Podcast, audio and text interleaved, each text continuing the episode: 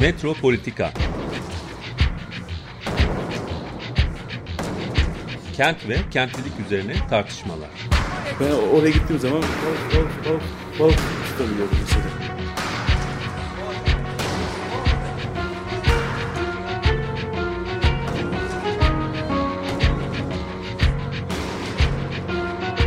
Hazırlayan ve sunan Aysim Türkmen.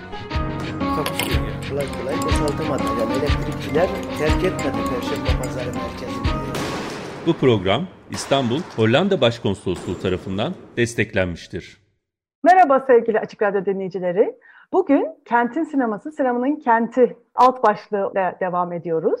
Sinema ve kent ilişkisi, mekan ve sinema ilişkisi üzerine yaptığımız bu bölümün bu haftaki konuğu Ebru Thwaite Diken. Hoş geldin Ebru. Hoş bulduk Aysim. Ebru, e, Bilgi Üniversitesi e, sinema bölümü öğretim üyesi. E, Yakınlıklar, intimacies, sinema ve sosyal teori ilişkisi, sinema siyaset teoloji üzerine çalışıyor. Yönetmen etiği meselesi üzerine gidiyor.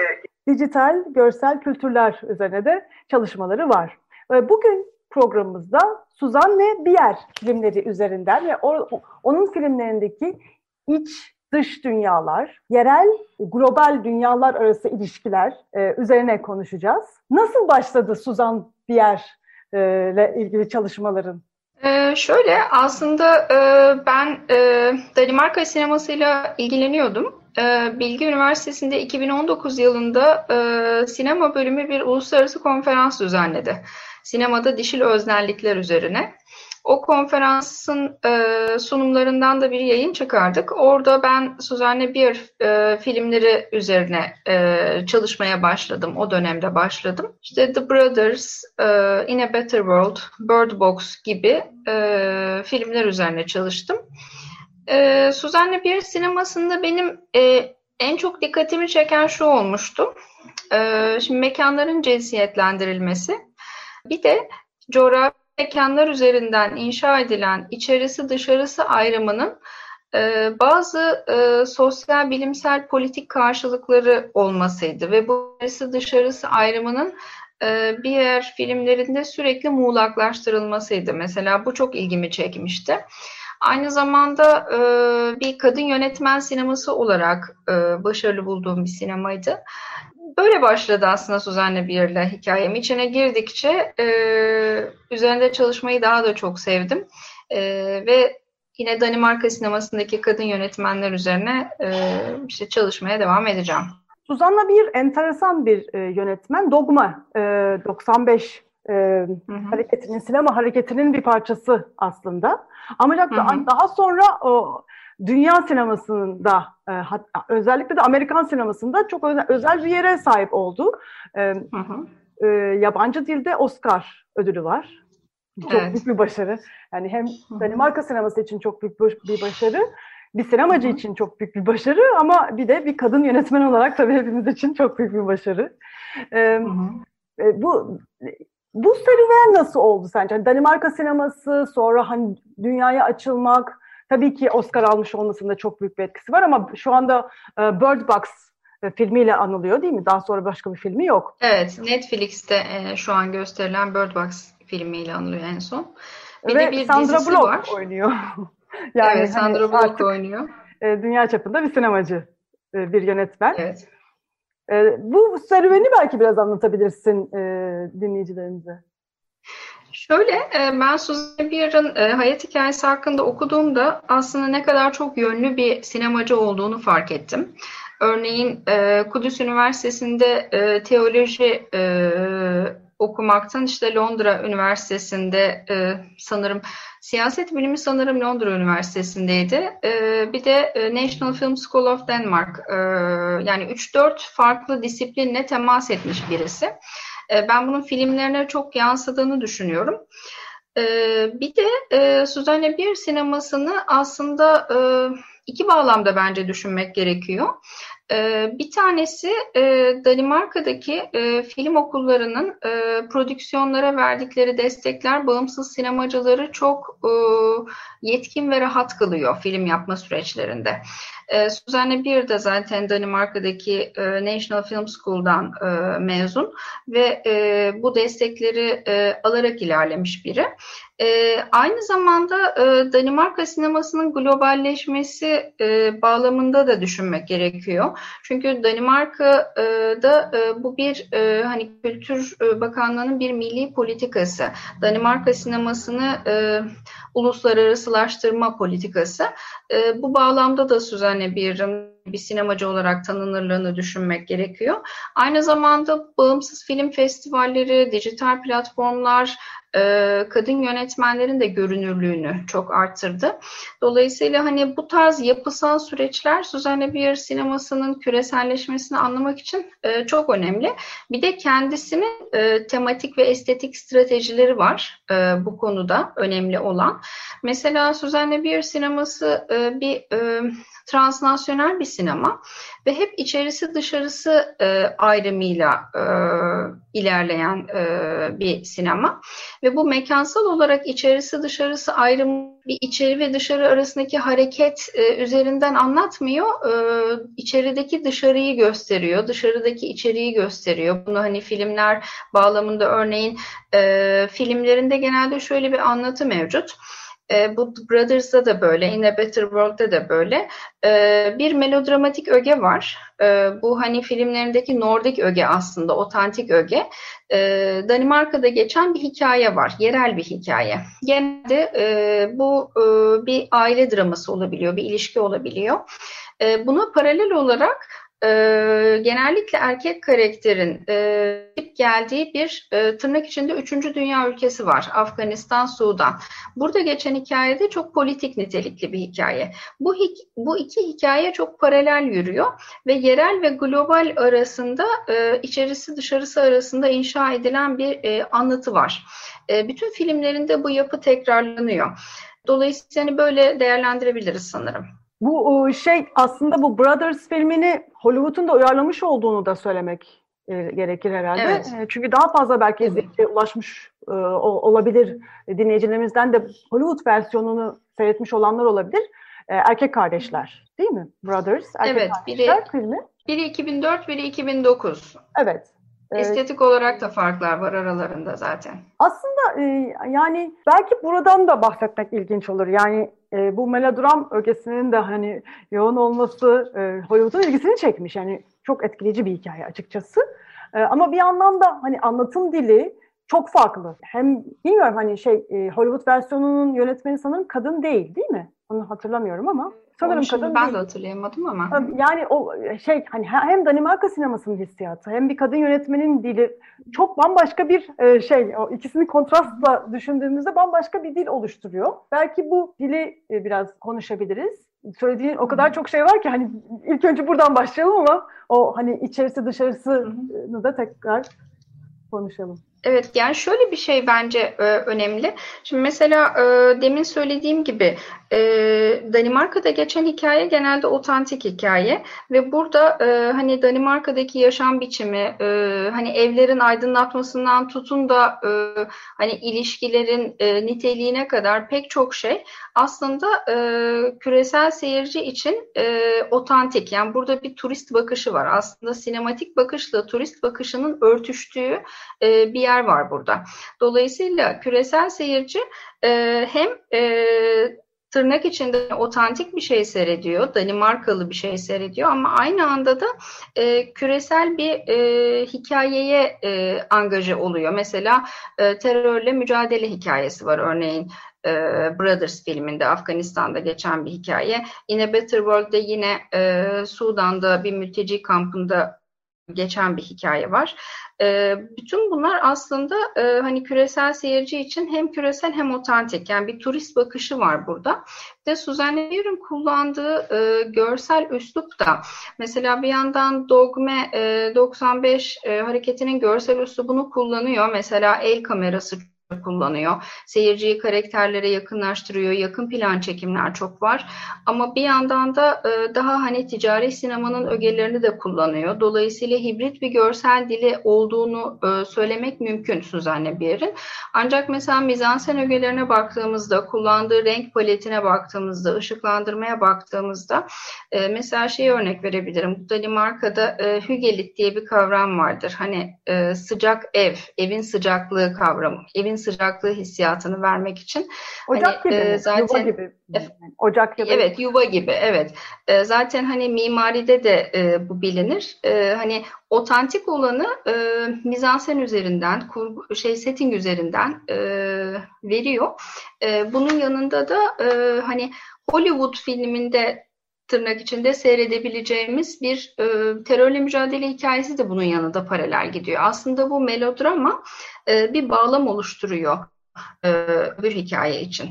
Dolayısıyla e, bu ikisinin bir arada verilmesi sanırım bağımsız, e, belirleyici e, bir şey. Yani hem bağımsız sinema hem ticari sinema. Zaten genelde Suzanne Bier o şekilde tartışılıyor. Hem Danimarka sineması e, hem küresel sinema, hem bağımsız sinema hem ticari sinema. E, dolayısıyla bu e, ara yüzlerde gezmesi sanırım çok karakteristik bir şey bir yer sineması için. Bir yandan tabii bana hani sen konuştukça şey de hissettirdi yani bir yandan bir böyle ev hani işte Danimarka atmosferi ve oradaki hani böyle yerel olan bir hissiyat var. Diğer tarafta da işte dış güçler hani dışarıda bir dünya var ve o da erkek olarak tanımlanıyor anladığım kadarıyla. Yani böyle bir ayrıştırma durumu var sanki. Ee, evet yani şöyle bir ayrıştırma var. Ee, filmdeki ana karakterler e, bu e, Bird Box'u hariç tutarak söylüyorum. Mesela Brother in a Better World için ana karakterler erkek ve bu e, erkek karakterlerin e, iç çelişkileri e, ve iç yolculuklarını anlatan e, hikayeler ve hikaye genelde onların gözünden anlatılıyor. E, mesela yer sineması e, biraz e, mekanları cinsiyetlendirmesini ile e, bazı akademik literatür tarafından eleştirildi de, eleştirildi de bu nedenle. E, dolayısıyla bir e, maskülinite e, krizini anlatan bir yanı da var aslında bir yer sinemasının. E, bir yandan da hani hem e, cinsiyet ilişkileriyle ilgili hani e, ilginç sorular ortaya koyuyor ama bir yandan da oryantalist de denilebilecek ama tam böyle giderken bunu kırdığı da sanki bir yer var değil mi? Yani benim hani evet.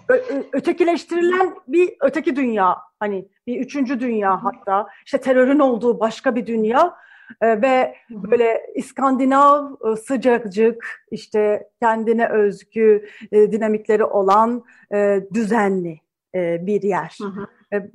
Bu şekilde hani aslında eleştiriler de var ama sanki sinemasının ona da bir cevabı da var.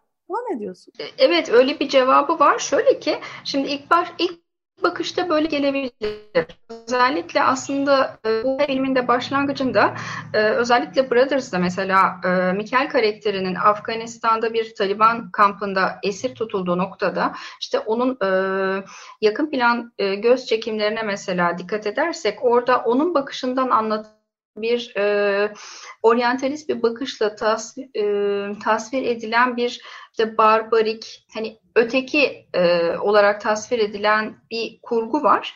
E, ama bunun yanında da mesela e, filmin sonlarına doğru anlatı dönüşüyor ve aslında filmin başında kurulan e, hani Batı dünyası medeni e, öteki istisna karakterize olan dünyayken filmin sonuna doğru aslında o doğudaki istisnanın nasıl Danimarka'nın kendi içinde olduğunu da gösteriyor. Örneğin Mikel karakteri orada e, yakın bir arkadaşını öldürmek e, zorunda kalıyor kendi hayatta kalmak için.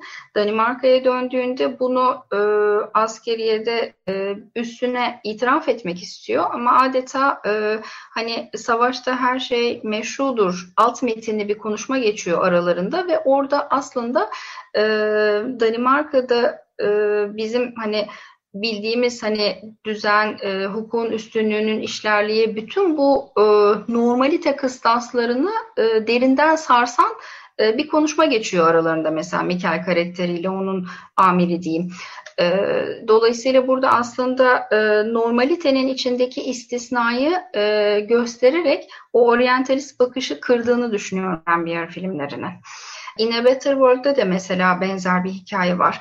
Orada da e, bir şiddet hikayesi var ve şiddetin aslında e, nasıl insanlık durumuna özgü bir şey olduğunu ve hani Danimarka'nın e, dışında olmadığını, içinde olduğunu da bir yandan gösteriyor. Erkeklik ve şiddet arasındaki ilişki üzerine e, gidiyor o filmde de öyle bir anlatı var.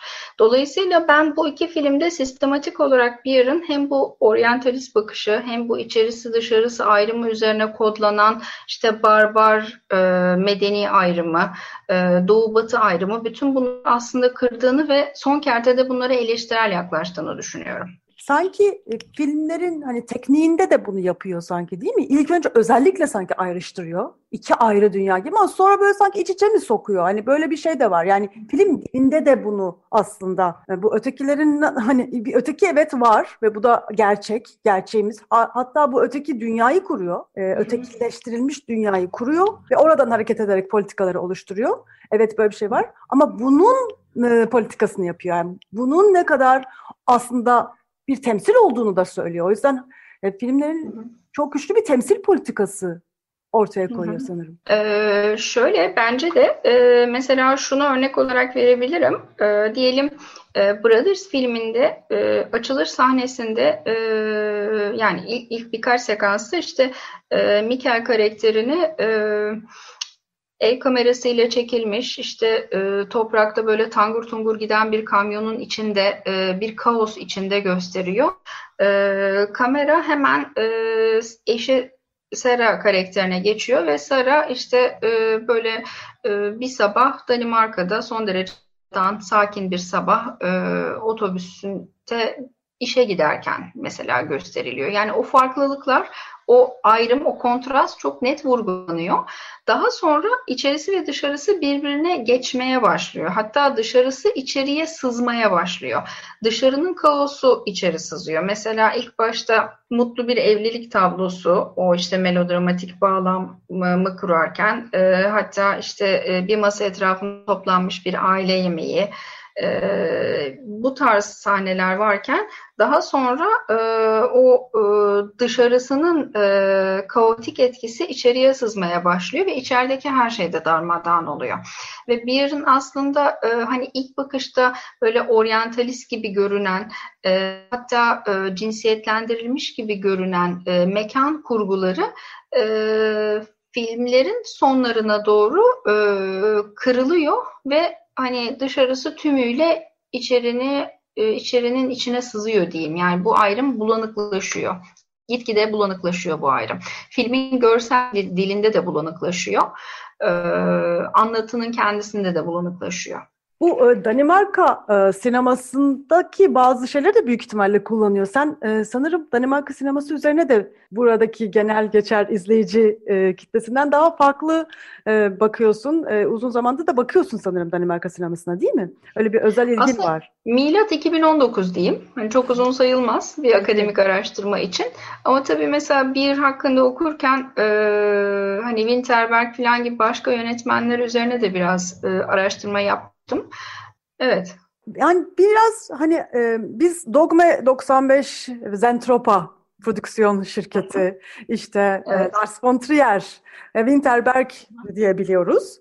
E, zaten onu da belki söylemek iyi olur. E, Suzanne Bier'in e, yapım şirketi de e, iki, iki bahsettiğiniz Bird e, şey Brothers ve e, In a Better Life filmleri de Zentropa'dan. Son Hı-hı. Bird Box değil galiba. Artık daha büyük yapım şirketlerinde çalışıyorum. ee, ya biz biraz bu Danimarka sinemasından da bahsedip hani Suzanne bir yer bu Danimarka sinemasının içinde e, nerede duruyor? Yani Dogma 95'in içinde de nerede duruyor? Çünkü Dogma 95'ten de e, 95'in içinden de çok fazla kadın yönetmen ben bilmiyorum açıkçası. Orada nasıl duruyor? Son dönem Danimarka sineması içinde nasıl değerlendiriyorsun? Aslında Dogma 95 e, biliyorsunuz bir manifesto. E, bu manifestonun e, belli kurallarını kıran biri. Mesela In a Better World'ün hani görsel dilinde bunu e, net olarak kırıyor. Ve bu mesela e, birkaç bağlamda, birkaç e, düzlemde bence düşünmek lazım. Hani bir e, kadın yönetmen olarak e, özellikle bu hani kadın yönetmenlerin dünya sinemasındaki yerini düşünürsek bu hani milli sinema çerçevesinde çok açıklanamayacak bir olgu bence. Hani Danimarka'da da milli sinemalar bağlamında tartışılamayacak bir şey. Dolayısıyla e, bu e, uluslararasılaşma e, düzleminde bence düşünmek lazım düzenli bir yere.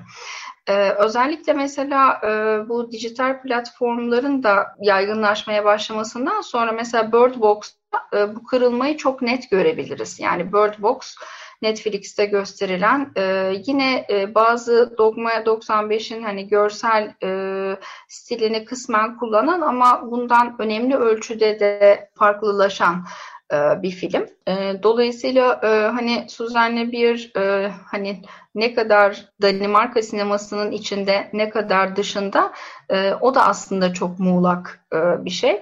Zaten benim ilk bir yer hakkında çalışmaya başlamamdaki hani temel beni motive eden sorulardan biri buydu. Hani ne kadar hep içerisi dışarısı ayrımıyla uğraşıyor bir kendisi ne kadar e, Danimarka sinemasının içinde ne kadar dışında. Yani bu içerisi dışarısı ayrımında kendisini nasıl konumluyor? Mesela bu benim için e, hani önemli bir soruydu. Şimdi e, sanırım Undoing diye bir başka bir dizisi var daha yakın dönemde. Ben henüz onu seyretmedim ama hani şu anki hani milli sinema tartışmalarının Danimarka'da e, nerelerde e, olduğu mesela çok belirleyici olur e, bu soruyu cevaplamak için sanırım. Suzanna Bier üzerine olan e, makalende çok hoş bir e, Virginia Woolf alıntısı yapıyorsun. E, belki o alıntıyı da burada söylemek hoş olur. E, bir kadın olarak diyor Virginia Woolf, ülkem yok. Bir kadın olarak diyor, ülke de istemiyorum. Bir kadın olarak benim ülkem bütün dünya diyor. Kadın yönetmenlerde de böyle bir gidişat var diyorsun sen değil mi? Evet öyle düşünüyorum. Zaten o nedenle hani e, o e, Virginia Woolf'un o sözü benim için bir çıkış noktası oldu. Yani e, hani milli sinemalar yani çok belki hani kaba bir tabir olacak ama kaba bir sınıflandırma olacak ama daha erkek sinemaları olarak mesela e, sınıflandırsak milli sinemaları e, hani e, uluslararasılaşma e, bu e, geçiş bölgeleri özellikle kadın sinemacılar için bence çok önemli fırsatlar ve alanlar yarattı diye düşünüyorum.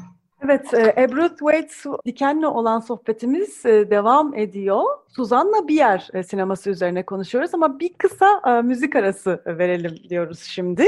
Daniel Bjarnason'un bir operası var. Suzanna Bier'in bu Brothers, Erkek Kardeşler filminden uyarlanmış bir opera. İzlanda operası bunu uyarlamış. İzlanda operasını dinleyeceğiz. Daniel Bjarnason'un bu filmden e, etkilenerek yaptığı operadan bir parça dinliyoruz şimdi. Daniel Bjarnason, İzlandalı besteci ve Danimarkalı yönetmen Kasper Holten'in yaratmış oldukları Brothers operasından bir parça dinledik. Bu e, Brothers operası aslında Susanna Bier'in e, filminden e, uyarlanan bir opera. E, biz zaten programın başından beri Suzan'a Bier filmlerini konuşuyoruz. Everett Thwaites Diken ile. Senin e, bu e, Suzan'la Bier üzerine yazdığın makale e, bir kitapta çıktı. Ve bu kitapta e, sinemada Dişil Özellikler derleme kitabı. Feride Çiçekoğlu, Didem Sezen, Aha. Aslı Tunç, Feride Çiçekoğlu ve senin derlediğin bir kitap. Program başında biraz bahsettik aslında. Evet. Ama belki biraz daha bu kitaptan bahsedebilirsin. Hani nasıl oldu, kaç yılında basıldı, İngilizce basılan basılmış bir kitap. Daha Türkçesi yok. Evet. Umarım programımızda vesile olur da Türkçe'ye çevrilir. Umarım. Bu kitapta belki hani dertleriniz neydi, ne, neler konuşuluyor? Sanırım hem Türkiye sineması hem de dünya sinemasından örnekler senin e, makalen evet. gibi. Öyle e, bir çalışma bu. Ee, şöyle, e, 2019 yılında düzenlediğimiz konferansta e, gelen sunumları e, şu şekilde sınıflandırmıştık. E, kamera önündeki kadınlar, e, kamera arkasındaki kadınlar ve kadın seyirciler.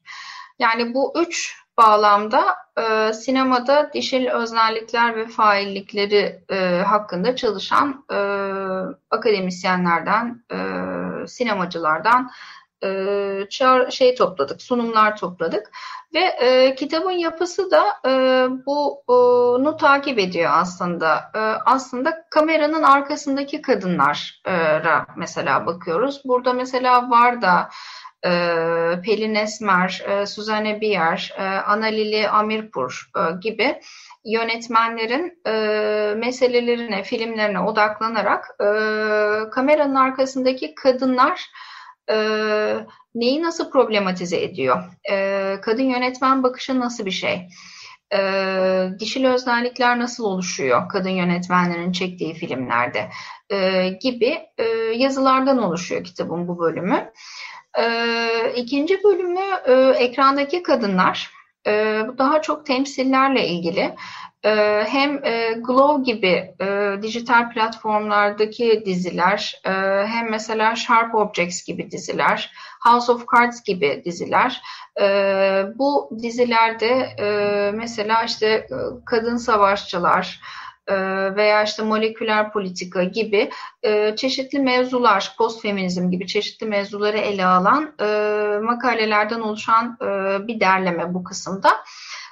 Üçüncü bölümde daha çok hani kadın seyirciler, türler, platformlar, mesela işte fan fatal figürünün hani fembot olarak ifadesi ee, mesela e, Netflix dizileri yine çok bilinen diziler, Persona gibi, Happy Valley gibi dizilerde toplumsal cinsiyet ve tür tartışmaları gibi e, tartışmalar var.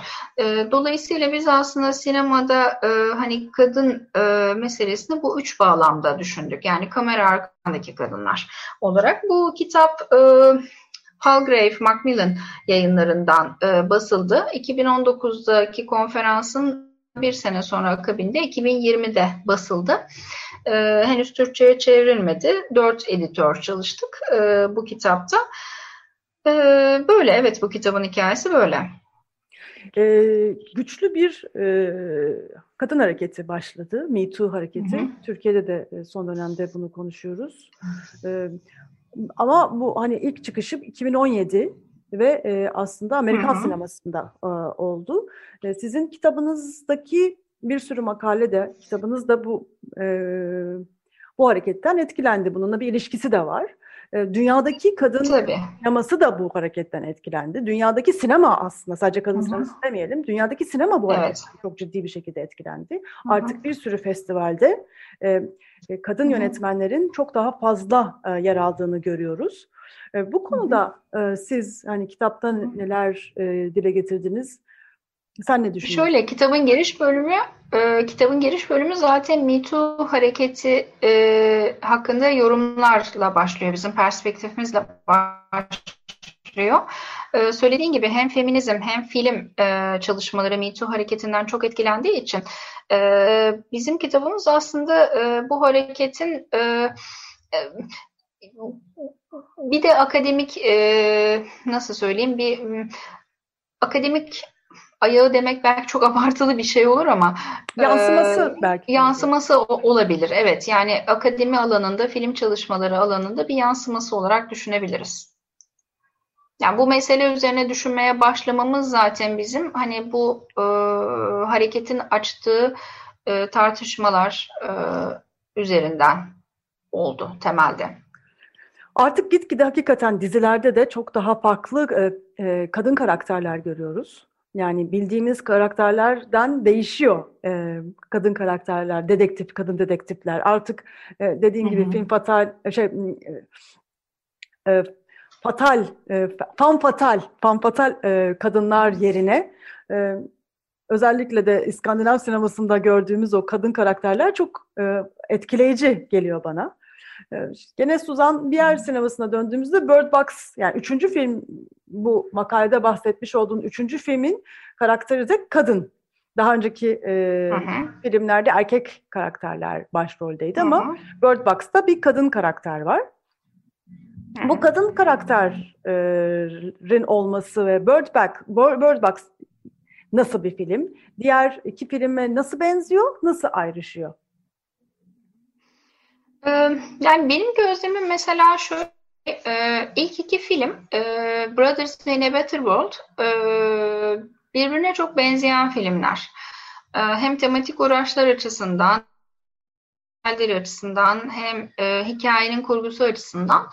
E, Bird Box'ta e, distopik ve post apokaliptik bir bağlam var. E, ve e, aslında e, ilk iki filmde yani Brothers ve In a Better World'de e, bir normalite ve istisna hali karşı karşıya getiriliyor. Bu filmde de var bu. O açıdan benziyor. Fakat burada normaliteyi çok az görüyoruz. Ee, ilk iki filmde birbirine paralel giden iki şey olarak görüyorduk. Burada e, çok az görüyoruz. E, bu içerisi dışarısı ayrımı e, coğrafi mekansal bir ayrım olarak değil, daha çok şimdiki dünya ve post apokaliptik dünya arasındaki ayrım üzerinden ilerliyor. Ve bu ayrım da ilk iki filmde olduğu gibi e, cinsiyetlendirilmiş bir mekan değil. Yani e, ilk iki filmde mesela Danimarka e, kadın karakterin mekanı, e, o yurt dışındaki üçüncü dünya ülkesi daha çok erkek karakterin e, görünür olduğu mekanken bu filmde başından beri e, kadın karakter görüyoruz. Sandra Bullock'u görüyoruz. Ve bu filmde aynı zamanda bir annelik hikayesi var. E, ve kadın karakterin aslında e, o iki çocuğu e, o körler okuluna ulaştırma mücadelesi e, bütün filmi anlatısını onun üzerinden kuruyor. Yani bir melodramatik e, öge ilk iki filmdeki gibi değil, biraz daha farklı. Ee, mesela e, içerisi dışarısı ayrımı demin söylediğim gibi yani coğrafi bir ayrım değil. Çünkü ilk iki filmde e, ev Danimarka normaliteyle e, eşleşiyor. E, üçüncü dünya ülkesi istisna haliyle eşleşiyor. Bird Box filminde e, bu hani apokalips e, istisna halinin zaten kendisi. Ve bütün filmde zaten apokalips var. Yani bütün film bir istisna e, halinde geçiyor diyebiliriz. E, ben bu filmi e, şu açıdan ilginç bulmuştum. E, hani Mallory ve Tom karakterleri arasında bir romantik ilişki var. Yani romantik ögeler yok değil. Ancak e, bu e, mesela Tom'un ölmesi e, ve Mallory'nin çocukları kendi başına körler okuluna ulaştırması aslında bu e, aile e, imgesini yok ediyor. Yani film e, erkek karakteri bir e, vanishing mediator e, denir mesela eskatoloji literatüründe. E, ortadan kaldırarak e, hani kadın karakter anlatıyı sonlandırıyor. Mesela o açıdan da ilk iki filmden e, farklı bir film olduğunu söyleyebilirim. Yani e, çocuklar e, körler okuluna vardıklarında bir baba figürü olmadan yeni bir hayat kuruyorlar. Hatta tam da bu nedenle ben Bird Box filmi için acaba hani feminist bir mesyanik açılım e, olabilir mi e, bağlamında bir tartışma yürütmüştüm. Belki bu tartışmayı da biraz daha açabilirsin. Ee, ya bu tartışma çok e, ilginç geldi bana. Ee, yani mesela e, bildiğimiz dünyayı bildiğimiz dünyada ki e, en önemli et, etkilerden bir tanesi patriarkayı da inşa eden etkilerden bir tanesi görmek, bakmak. The gaze dediğimiz hı hı. bakış. Ee, kadını da evet. işte fanfatal ögeyi de mesela o karakteri de yaratan hı hı. E, bakış.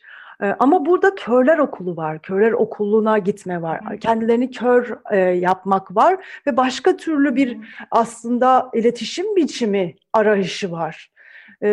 Burada hı da çok önemli bir şey söylüyor herhalde bu yönetmenin kadın. Evet şöyle şimdi burada e, görmenin yani film boyunca çocuklar e, ve karakterler gözlerini bağlayarak e, oraya ulaşmaya çalışıyor. Çünkü zaten baktıklarında ölüyorlar. Dolayısıyla görmenin yokluğu e, acaba hani e, film çalışmalarında hani haptik dediğimiz daha dokunsal e, bir algıyı e, geliştirebilir mi? Yani görmenin yokluğuna dair e, bir e, şey var, e, anlatı var burada.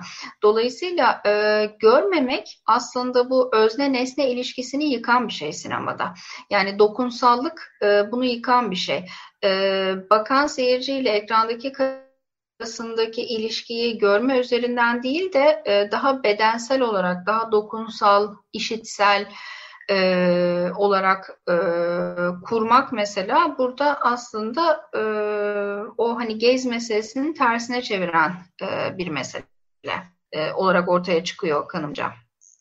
Bu ıı, şey de enteresan. Yani ilk e, bahsettiğimiz, konuştuğumuz, program boyunca konuştuğumuz ilk iki filmde e, ev, Danimarka ve öteki, Üçüncü Dünya diye ayrışan dünyalar aslında belki yavaş yavaş bütün dünyanın bir apokalipse dönmesi ne dönüşüyor? Bütün dünyada aslında yaşadığımız şeyi de özetliyor Suzan Bier filmleri. Yani tabii ki bu çok hani genelleştirilmiş bir e, bir şey benimkisi bir yaklaşım ama bir yandan da artık ev kalmıyor. Gitgide hani bütün dünyanın e, iklim e, sorunlarıyla apokalipse dönmeye başladığı bir dönemde yaşıyoruz. E, evi yani kendimizi evde hissettiğimiz, yuva olarak hissedeceğimiz yer, yeri kaybediyoruz. Bu, bu filmde de bu duyguyu çok güçlü bir şekilde e, veriyor sanırım. E, şey, geçen haftalarda e, bir kavramla e, karşılaştım. Solastalgia. Nostaljiya e, kavramının e, yeni bir versiyonunu e, şimdi konuşuyor insanlar. E, hı hı. Tam referansını hatırlamıyorum. Başka bir programda o referansı da söylerim ama e, nostaljiye bir yerden ayrılırsın ve ayrıldığın yeri özlersin bırakılmış bir mekanı Hı. özlemdir. Solastalji ise e, şey e, sen duruyorsun yerinde ama dünya ve etrafın ve evin ve çevren o kadar çok değişiyor ki artık bildiğin o şeyi özlüyorsun. Yani senin aslında sahip olduğunu ve içinde bulunduğun şeyi özlemeye başlıyorsun. Çünkü her an her şekilde değişiyor ve kaybediyorsun. Her an bir kayıp duygusuyla yaşıyoruz. Bu e, diğer filmlerinde olan e, bu e, dönüşüm ve son filminin böyle bir apokaliptik şeyde e, olması da bana bu kavramı hatırlattı hakikaten. Yani artık dünya bildiğimiz dünya değil yeni bir şeyin belki de başlaması gerekiyor. Yeni arayışların başlaması gerekiyor. E, aslında e, bu bir filmlerinde mesela e, Brothers in a Better World peşinden Bird Box çekilmiş olması e, çok anlamlı bence. Çünkü e, bu bahsettiğimiz iki filmde e, senin de söylediğin gibi içerisi dışarısı ayrımı bulanıklaşıyor ama burada e, o ayrım e, aslında yok. Çünkü her şey postapokaliptik. Aslında burada bir distopya var. Fakat film Körler Okulu'nda bittiği için e, bir, yine Bilgi Üniversitesi'nde e, bir e, master tezini yazan bir öğrencimiz e, Ruken e, Doğu Erde de şöyle bir yorum yapmıştı mesela bizim tartışmalarımızda. Distopyanın içinde bir umut olabilir mi? Aslında belki Suzanne bir hikayeyi Körler Okulu'nda bitirerek e, distopyanın içinde bir umut arıyor. Yani bu e, mesela e, zamanın hani zeitgeist'ına e, tercüme olabilir diye düşünüyorum bu anlamda. Yani çünkü mesela bu alternatif platformlarda, dijital platformlarda distopya e, şu anda çok gördüğümüz bir tür. Ama aynı zamanda e, mesela Bird Box'ta e, sıfırdan başlayarak bir toplumsallık yeniden kurulabilir mi? Ve bu hani e, feminizmden beslenen bir toplumsallık olabilir mi? Hatta mesela bu Irigaray'ın e, primal e, dişil öznellik dediği e, hani toplumsallığın e, sıfır noktasına e, gidiş mümkün olabilir mi? Mesela bu soru benim çok ilgimi çekmişti Bird Box'un sonunu seyrettiğimde. Umarım olur. Hakikaten. Yani umarım yani en azından böyle hayal etmeye başlamamızın neredeyse geç kaldığı bir dönemdeyiz. Artık hani bildiğimiz dünyadan farklı hayal e, edebileceğimiz imkanlar istiyoruz. E, yetmiyor artık bu dünya. Yani bu haliyle e, insan egolarının e, vahşi haline artık dünyamız yetmiyor. Bunu güzel paylaşabileceğimiz başka türlü varoluş biçimleri e, istiyoruz. E, kadın e, yönetmenlerin uzun metraj e, filmlerinden daha çok bahsediyor. Suzan Bier üzerinden.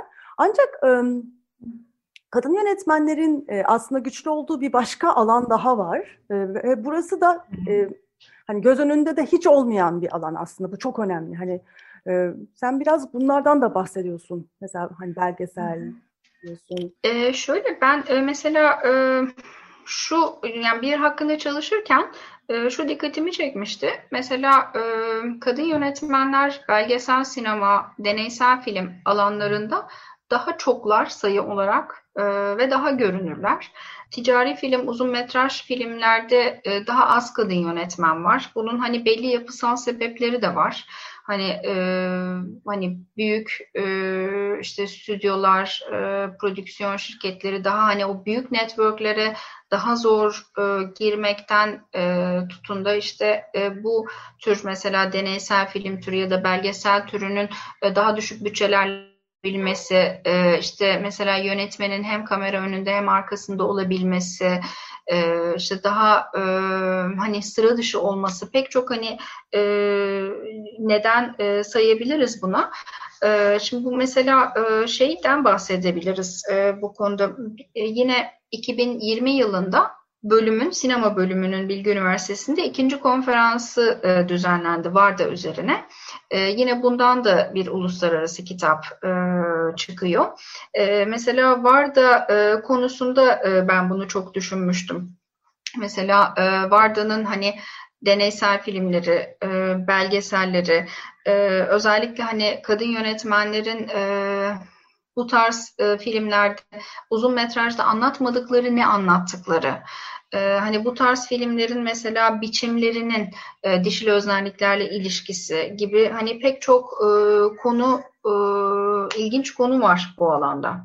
Özellikle mesela hani belgesel sinema dediğimizde e, Varda, Agnes Varda'nın filmleri hı hı. değil mi?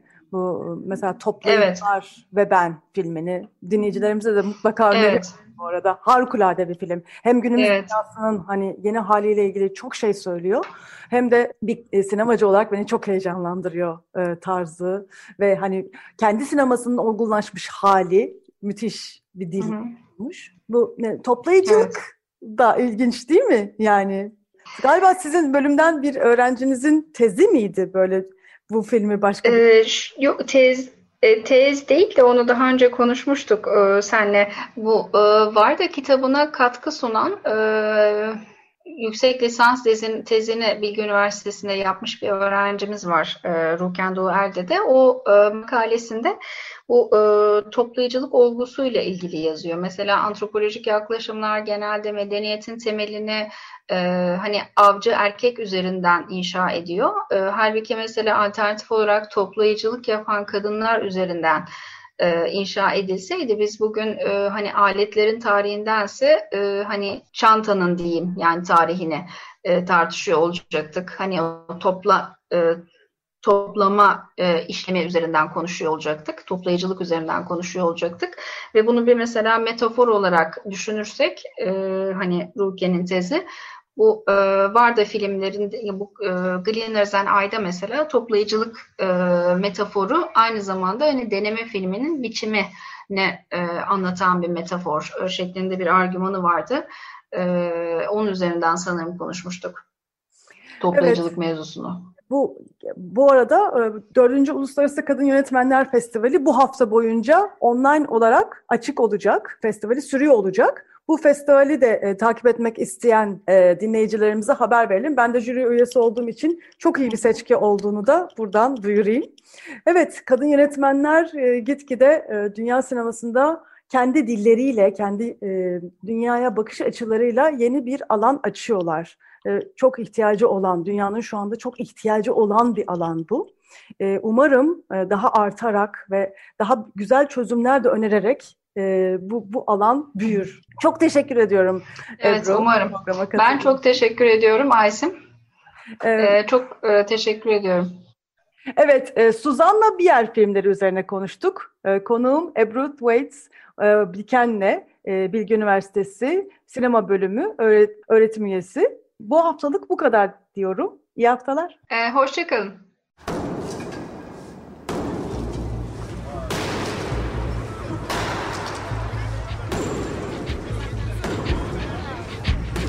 Metropolitika Kent ve kentlilik üzerine tartışmalar. Ben oraya gittiğim zaman balık, balık, balık, balık tutabiliyordum mesela.